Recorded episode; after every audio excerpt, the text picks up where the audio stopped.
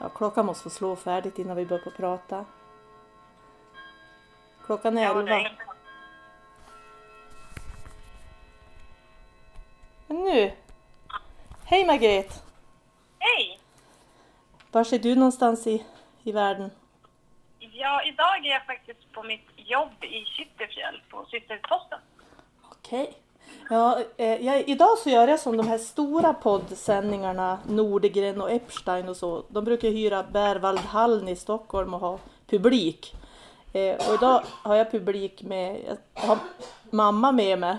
Jag sitter hemma i Golisen och mamma är med som publik men nu var hon tvungen att gå ut och hosta. Så att du vet att vi har publik här i, idag. Ja, Det är det är lite, väl trevligt. ja det är lite sådär lite märkvärdigt att ha publik. Ja. Ja.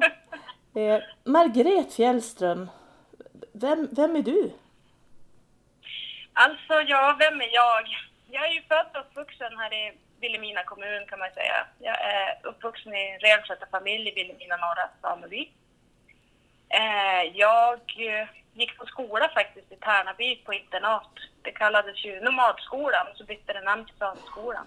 Mm. Jag gick hela min, eh, min grundskola gick jag och bodde borta på internat. Alltså från Jag har- årskurs ett? Va? Alltså från det du gick i årskurs ett? Ja, Oj då. då, då fick vi åka hem var fjortonde dag. Så att, eh, jag, fyller, ju- eh, jag är ju född i december så att jag var ju sex år när jag flyttade. Ja. Men Eh, alltså, Så då gick jag, men då på höst, det gick hela hösten men då sen var det jag, och, eller jag kände väl att jag hade sån hemlängtan så då vårterminen i ettan gick jag i, gick jag i Åsele. Men sen från tvåan gick jag hela, hela grundskolan då. men visst är det så när man, om man är, tillhör en samefamilj som är renskötare som flyttar, att ofta så går barnen, alltså att man måste flytta med föräldrarna och bo på olika ställen. Alltså många försöker göra, har ju försökt det, men det, det går bra, vad ska man säga, de första åren.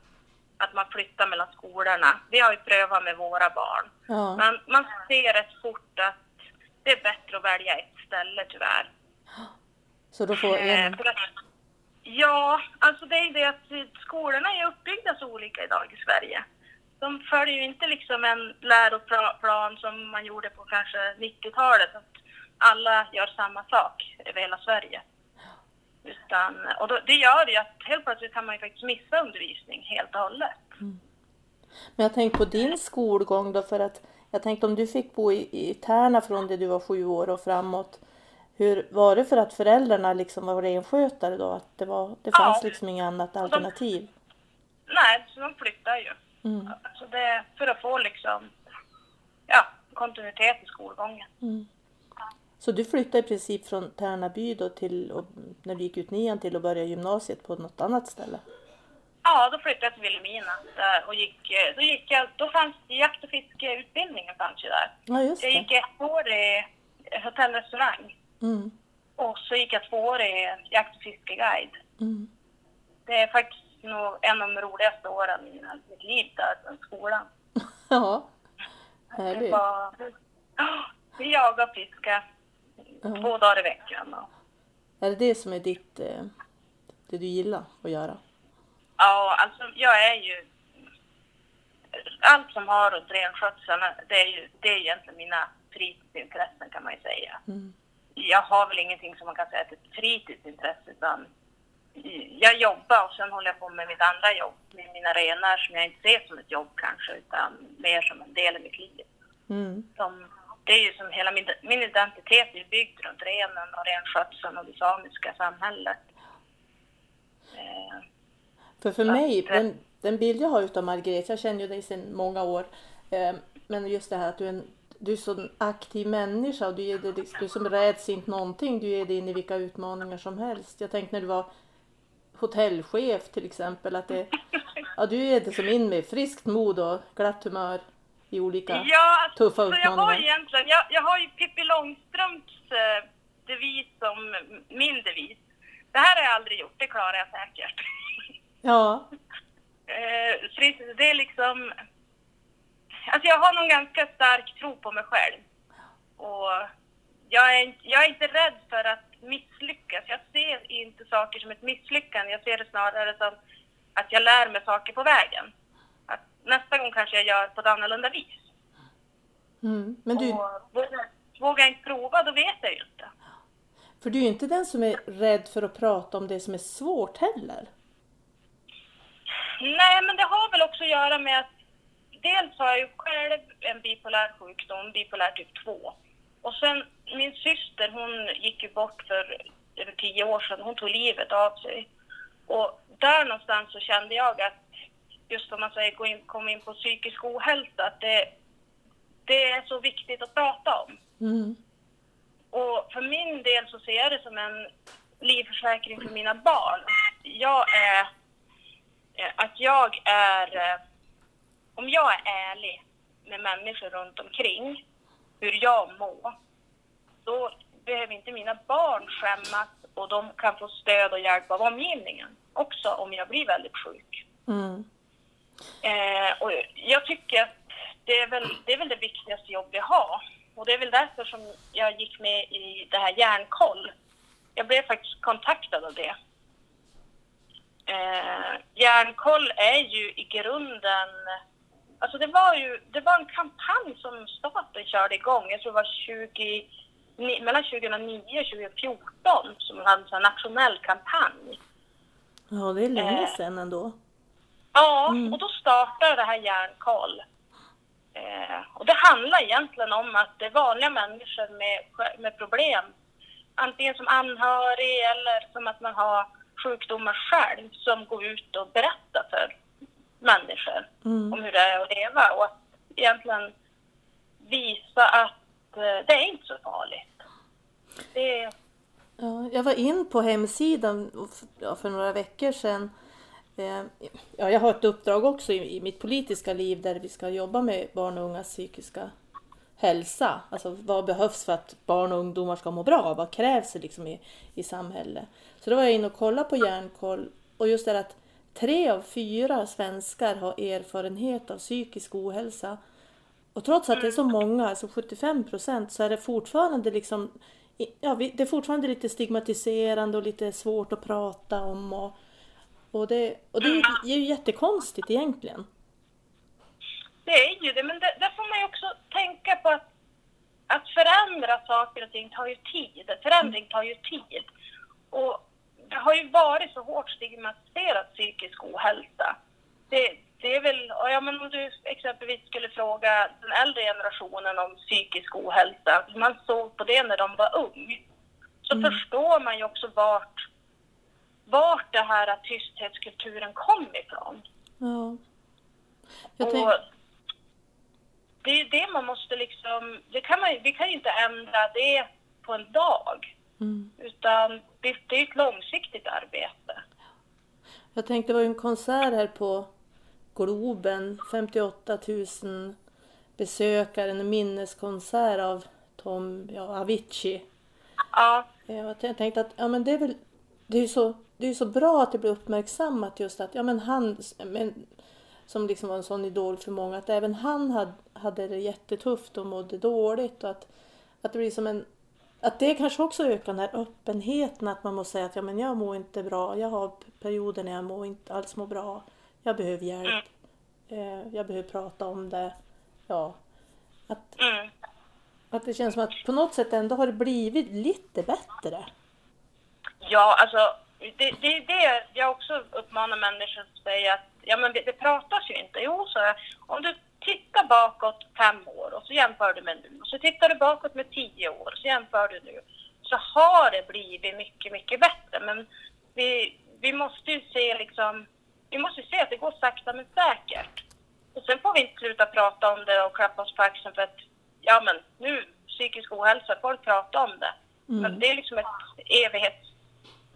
evighetsjobb Ja. om man säger. För jag tänker, jag vet ju att du har varit ute och pratat om renskötseln och så i skolorna och så. Och nu Järnkoll är också ett sånt uppdrag att man kan liksom, ja, man kan hyra in det på en föreläsning. Är det så? Ja, jajamensan. Man hyr in mig som föreläsare. Mm. Och då, det jag tar egentligen, för mig är det väldigt viktigt att veta vem är det jag talar, alltså vem är det jag som är mottagare för det jag pratar om. Mm. För dels så kan jag ju prata om vara anhörig i, till suicid.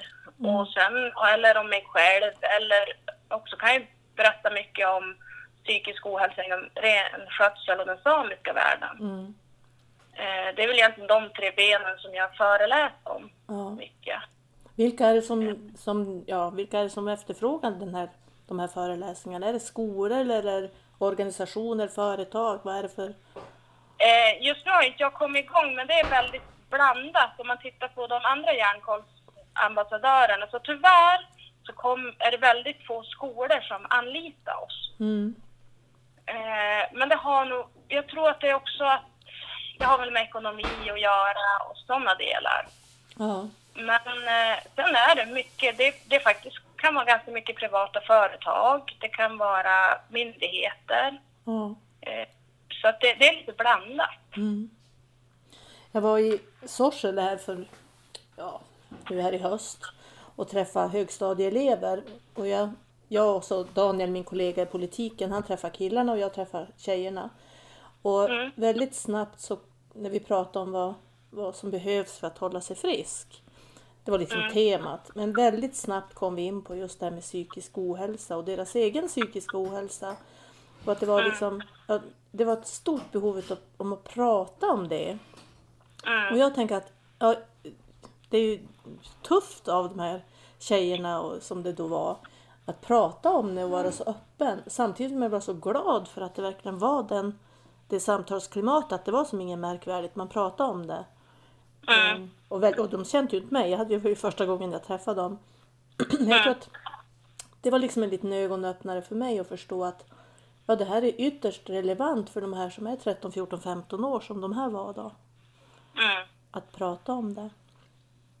Jo men det är ju det och jag tror att det, det ser man ju genom järnkoll också att man har ju visat bästa sättet att öppna upp och få människor söka hjälp och få människor, det är, det, det är att vanliga människor föreläser för vanliga människor. Ja. Alltså egentligen, man berättar om, för att oftast går man ju hemma på kammaren och skäms Ja. för att det är ju det är bara jag som mår så här, för att jag är, ja, jag är dålig, jag är... Men när man ser till vanliga människor som kan berätta om hur det är att leva med psykisk ohälsa och framförallt se att man kan få ett himla rikt och bra liv av det och ge hopp framåt. Då inser man att man inte är ensam. Ja. Ja, att det liksom är sjukdom bland andra. Ja, alltså jag, jag brukar förklara det som att eh, som när jag blev sjuk, då var ju mina barn små. Mm. Och jag förklarar det som så att eh, det är ungefär som att jag har brutit benet. Mm. Eh, mina mediciner är mina kryckor för att jag ska läka ihop och kunna fungera.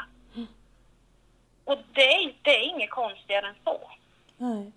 Nej, och det, nej, för så är det ju verkligen. Ja. Det är inget konstigare än så. Men vad tänk på just vad skulle du... Vad finns det som liksom ett... Finns det liksom någonting som är tufft i det här? Alltså är det någon, nå, någonstans du känner att här finns det ett motstånd, här är det trögt, här är det ja, motigt? Jo, men det, det gör det. Först och främst så handlar det om ett motstånd i sig själv. För det är ju att eh, när man föreläser också så lämnar man ju ut sig själv. Och det är ju mycket det har järnkoll hjälpt mig med att lära mig att hur mycket ska jag dela med mig av mig själv? Var ska jag sätta gränser? För att jag själv ska må bra. Ja. Eh, och sen är det ju så också att jag, har väl, jag, har väl fått, jag har fått väldigt mycket positiv respons på det här. Oerhört. Jag trodde inte att jag skulle få så mycket. Mm. Men sen har jag ju sett också att framförallt bland äldre människor tycker jag att varför ska du prata om det här? Mm. Det gör ju så ont. Ja. Det låter vara. Eh, och det, det ser jag också som ett glapp att vi, där kanske vi måste, eller vi måste nog bland våra seniorer eh, också ge dem stöttning och hjälp. För det är oerhört många äldre som mår dåligt men de lever ju fortfarande i den, i den tidsandan att det är fult. ja. Man är tyst. Ja, man är tyst och lider. Mm. Och där tror jag att vi har ett jättejobb. Eh, vi har fått ihop, fått igång det superbra med de här yngre och jag menar mina generation, men generation efter då. De här äldre, alltså då menar jag de som är, bo, alltså är runt 65 och uppåt. Ja. Det är de som vi måste också ge stöd och hjälp. För det visar att det är oerhört mycket självmord i den ålderskategorin. Ja. Som kanske inte egentligen klassas som ett självmord så, utan man, ja. Mm, för jag tänker idag så finns ju väldigt mycket eh, själv... eh, Ja, vad heter det? Alltså man, man, man hittar, använder appar och att man kan få liksom kognitiv terapi via eh, ja, digitalt. Alltså det finns mycket sådana här hjälpmedel som är ja, digitala och att det liksom byggt på teknik som kanske inte då är tillgänglig för de som är ja, äldre som inte har det som ett, ja, som inte använder tekniken i vardagen. Nej men precis, så att, man inte, så att de inte, de behöver det samtalet tror jag många behöver istället. Mm. Det, det tror jag är väldigt viktigt. Jag tänkte, vad, vad mer behövs då för att det, det liksom ska bli, ja inte vara tabu att prata om psykisk ohälsa? Att bli mer öppet? Vad tror du? Alltså, jag, jag tror att så länge vi, vi jobbar som vi gör nu framåt, men sen är det också att när man mår dåligt så måste hjälpen finnas. Ja. Det går inte, alltså vårdköerna idag på BUP exempelvis, de är för långa. Mm. Eh, och om jag då går till min egen del som jag föreläser om den samiska patienten, där saknas ju kulturkompetens inom vården. Mm. Eh, Jag kan ta ett enkelt exempel. Jag kom in och mådde ganska dåligt och så förklarade jag för min läkare att jo men nu har jag ju vänt på dygnet för vi håller på med renarna. Men han förstod ju inte varför jag hade vänt på dygnet så han gav mig sömntabletter så jag sov i tre dygn. Men det var ju inte det som var grejen. Hade han förstått att jag var i under kallmätningstid så hade han ju förstått att för han fokuserade väldigt på att jag hade förlorat sömnen. Mm. Men det var ju inte det som var problemet för mig. Utan jag, jag var deprimerad. Jag behövde ha starkare medicin just nu och få upp välmåendet, inte sova. Mm. Det var ju bara pannkaka av allting. Ja. Och det är ett sådant exempel när kulturkompetens saknas i, inom vården. ja. Jag vet, jag var igår på Glesbygdsmedicinskt centrum och de har ju jobbat ganska mycket med samisk, samers hälsa utifrån att det är, man är utsatt på så, på så många sätt. Och, eh, det, ja, när man lever som renskötare så följer man ju inte någon klocka eller någon liksom veckodag utan det är utifrån hur det är med renarna. Man följer väder och vind och vars, ja, vars renarna är. Att just det att det, det, att det, liksom blir en krock mot det storsvenska samhället i, och även då när det gäller vården. Att man förstår inte de här villkoren. Nej. Ja, men som det här du berättade om skolan. Ja, men hur många sju som har bott borta hemifrån från när man var sju år mår bra liksom. Nej men så är det ju och sen är det ju, förstår man också att som jag och min familj, vi, vi har ju fått leva, alltså jag och min man, vi har ju fått leva hårt skilda, alltså vi har ju hamnat i den. För han följer renarna och jag blir kvar. Ja, Och det, det lever ju väldigt många i glesbygd idag. Mm. Men det man kanske inte förstår det är att min högsta önskan är att vara där han är med renarna. mm, Eh, det är inte så att han får på ett jobb i gruvan och är borta i 14 dagar och kom hem och är 14 dagar. Utan Mm. han, ha, hela mitt liv är ju där renen är. Så Mm. Jag mår ju dåligt av att inte kunna följa med. Jag vill ju vara där. Och det är ju så att skolan för mig har varit en, en, en sån... Jag hade gärna haft fler barn, men skolan har, har känts som ett hinder för det. mm.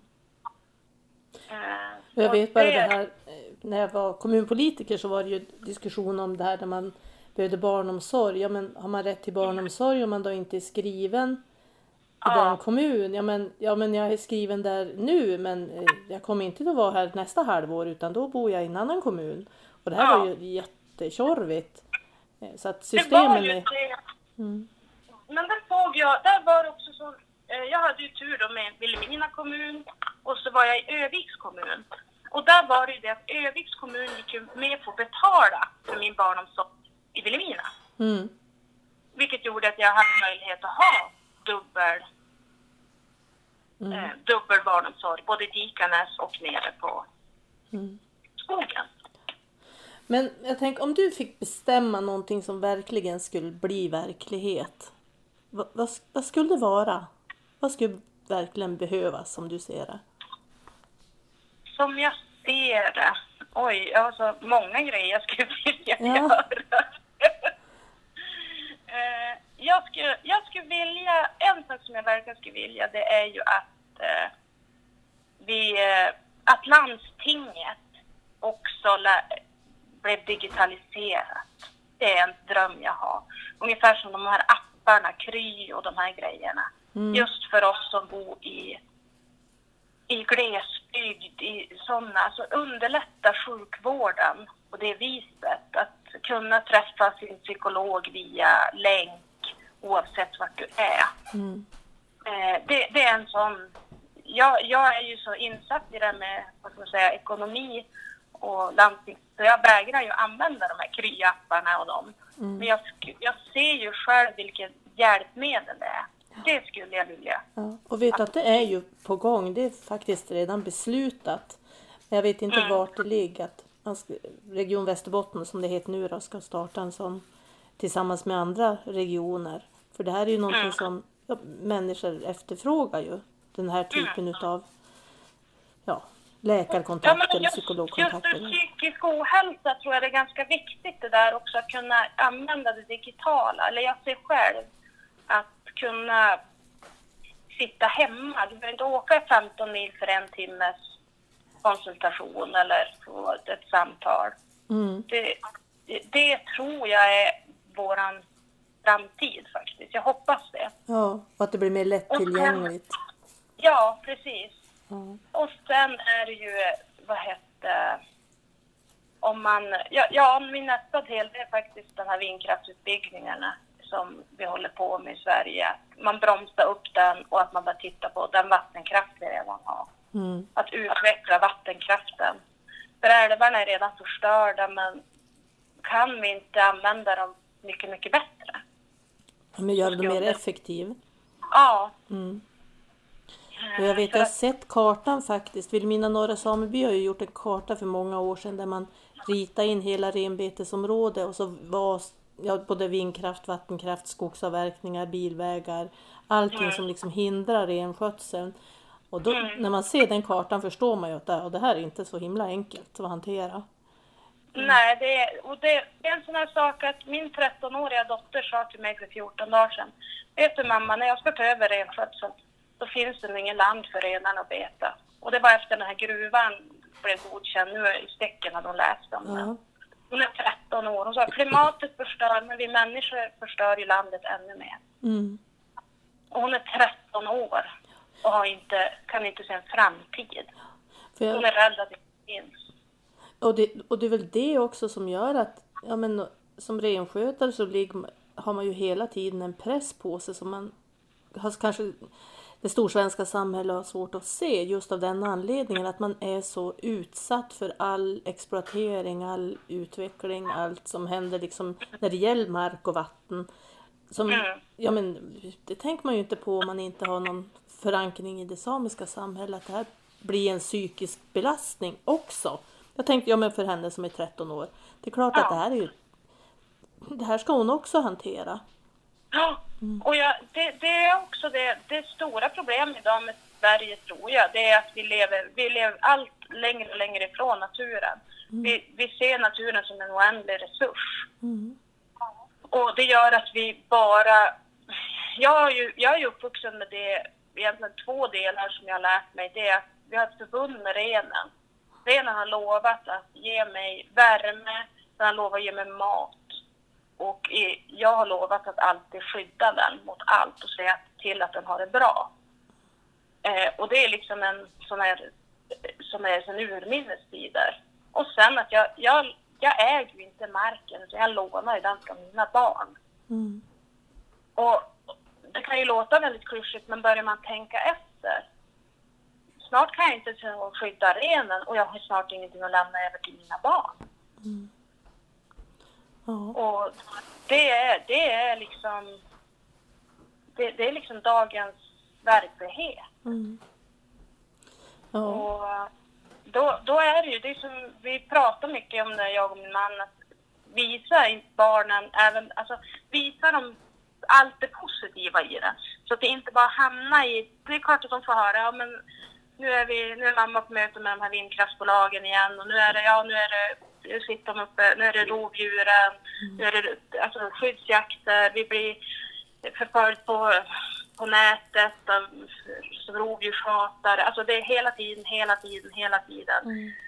Och det är så himla lätt att bara hamna i den här negativa spiralen. Mm. Så därför är jag väldigt, vi är väldigt noga med att visa, ta med våra barn, att de får de här guldkornen också. De ska mm. veta vad det innebär, men de ska veta vad vi strävar mot också. Ja. Jag skulle alltid undanhålla dem verkligheten, men mm. jag måste även visa det positiva. Mm. Ja, men det här med att man skulle tillåta varg i Jämtland i renbetesområde, man blir bara, mm. alltså man förstår liksom inte att inte kunskapen är på en högre nivå. Eh, man blir lite nej. förtvivlad, även om man inte tillhör någon sameby. Men, ja, ja nej, men mm. så är det ju. Det, ja, men vi skulle ju ha samtal tidigare i veckan, jag och du, men då blev jag ju blixtnedkallad till mina släktingar i Jämtland. Mm. De är ju, och det är ju tack vare vargen, deras renjord är totalt spring, splittrad och de, ja, så att de kämpar ju nu och försöker få ihop och allting. Jaha, det var därför du var nere där ja? Ja, hjälpte till. de har, de har måste stänga in på flera olika hagar bara för, alltså i panik för att och vet de inte hur de ska vrida och vända på det. Ja. Och, ja. och så dessutom, ja, och så regnar det där eh, i hela Sverige och man känner bara, ja, nej. Mm. Vad, vad, ska vi göra? Mm. Vart, ska, vart ska vi börja strida? Ja, ja det finns många, många saker att ta tag i. Ja. Men jag det... tröstar mig, min morfar sa så här, eh, det mesta är ju ogjort, sa han. Och det brukar ja. jag trösta mig med. Det mesta är ju faktiskt ogjort. Det finns så mycket man kan jobba med och engagera sig i och försöka förbättra. Ja. Mm.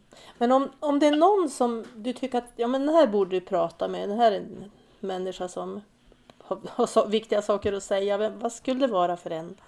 Har du något, något sådant förslag? Eh, någon som har viktiga saker att säga. Alltså det finns så oerhört många människor i den här kommunen mm. som har viktiga saker och viktiga... Men eh, om, jag, om jag skulle säga en människa som jag blir positivt glad av mm. många gånger så är det faktiskt Stina Blind mm. som är hemvändande. Mm. En väldigt glad människa och jag följer henne på hennes konto. Och hon kan verkligen visa de här guldkornen mm. Eh, med foton och eh, de delarna. Hon är en av de människor som jag tycker, ja. ja. finns det Marita Stinnerbom är ju också, hon är ju en för otrolig människa. Ja. Dels jobbar politiskt och hon jobbar i Sametinget, hon jobbar i kommunen hon är delaktig i samebyn. Hon, alltså hon är en otrolig resurs för oss i samebyn. Ja, hon var i riksdagen häromdagen och pratade om ja, samefrågor. Mm. Mm. Och hon är ju, det är ju så, kvinnor som är starka får ju kanske ta mycket mm. eh, motgångar och ändå bara fortsätta. Mm. Jag är, hon är jag väldigt, väldigt imponerad av. Jag också. Ja. ja. Men du Margret, om, om någon som lyssnar på det här känner att åh, den där kvinnan, hon skulle jag ha fått kontakt med. Hur, hur når man dig då? Eh, ja, då når man mig lättast via mail eller på min Facebook når man mig. Eh, vill man, eller också på järnkoll.se, där finns jag upplagd som ambassadör. Just det, ja, jättebra. Men, ja. Vad ska du göra resten av dagen då, nu när vi har pratat? Eh, nu ska jag... Eh, snart ska jag sluta här, för jag ska skynda mig ner. Jag ska köra ner någon renkur ner till Åsele. Och sen ska jag hämta min dotter som går i Jokkmokk. Hon kommer med tåget, så ska vi hinna träffa äh, min, far, min man, släkt. Om, kanske, men det beror helt och hållet på vad renarna tänker, men så är planen. Ja, ja. Jag kom ju från, jag kom ju i förrgår kom jag från Jämtland går och jobbar jag. Ja, nej men nästa vecka, så ska, nästa vecka ska jag nog, ska jag faktiskt vara i Vilhelmina på det här eh, varumärksmötet som vi håller på att jobba med för Vilhelmina kommun. Jaha. Spännande. Ja, som jag sa i början. Du, du räds inte något. Du är en väldigt aktiv och framåt människa. Ehm, Ja, Kul att få prata med dig Margret. Och jag Ja. hoppas att ja, nu nästa år så kommer jag ju till att jobba lite mer med psykisk ohälsa. Så jag, jag, jag kommer nog att ringa till dig och be om hjälp. du är så välkommen. Det, Ja. jag, jag försöker hjälpa dig. Ja, det är bra. Tack så hemskt mycket. Tack.